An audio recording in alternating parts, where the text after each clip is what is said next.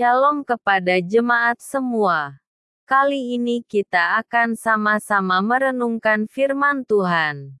Sebelum kita mulai, jangan lupa untuk subscribe Hosiana TV ini ya. Jangan lupa di-share ya. Mari kita mulai. Dengan judul Melampaui batas pikiran. Yesaya 49 ayat 8 sampai 21. Hal buruk kerap kali membuat kita putus asa dan menyerah. Bahkan anak-anak Tuhan tidak kebal terhadapnya. Demikian juga yang dialami oleh bangsa Israel. Pembuangan ke Babel telah menyebabkan terjadinya banyak hal buruk. Bait Allah Lambang kehadiran Allah di Sion yang merupakan kota suci pun runtuh. Kali ini tampaknya Israel tidak berpengharapan lagi. Wajar jika Israel merasa putus asa.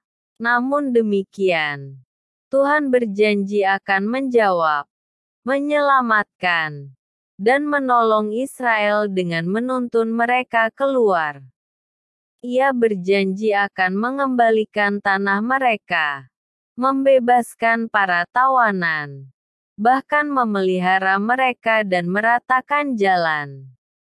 Hal ini karena Allah tidak pernah melupakan Israel dan mengingat nama mereka setiap waktu.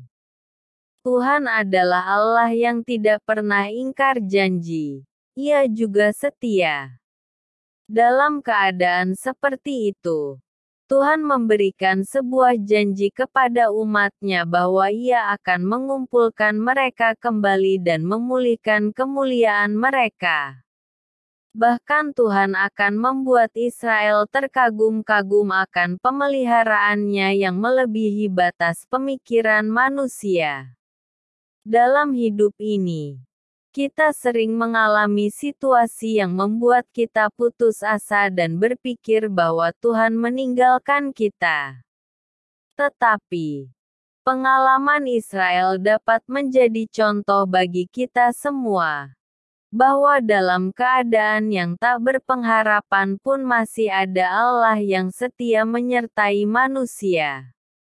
Hal ini juga yang diungkapkan oleh Raja Daud dengan begitu dalam. Sebuah penghayatan akan penyertaan Tuhan membuat dia berkata, Sekalipun aku berjalan dalam lembah kekelaman, aku tidak takut bahaya. Sebab engkau besertaku, lihat.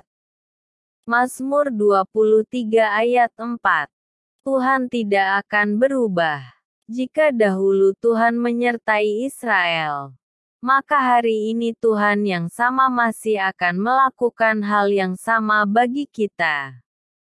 Hal yang perlu berubah adalah sikap kita dalam menghadapi persoalan. Kita harus memilih antara mengandalkan pikiran manusia yang terbatas dan menyebabkan keputusasaan atau mempercayai penyertaan Tuhan yang melampaui batas pikiran manusia.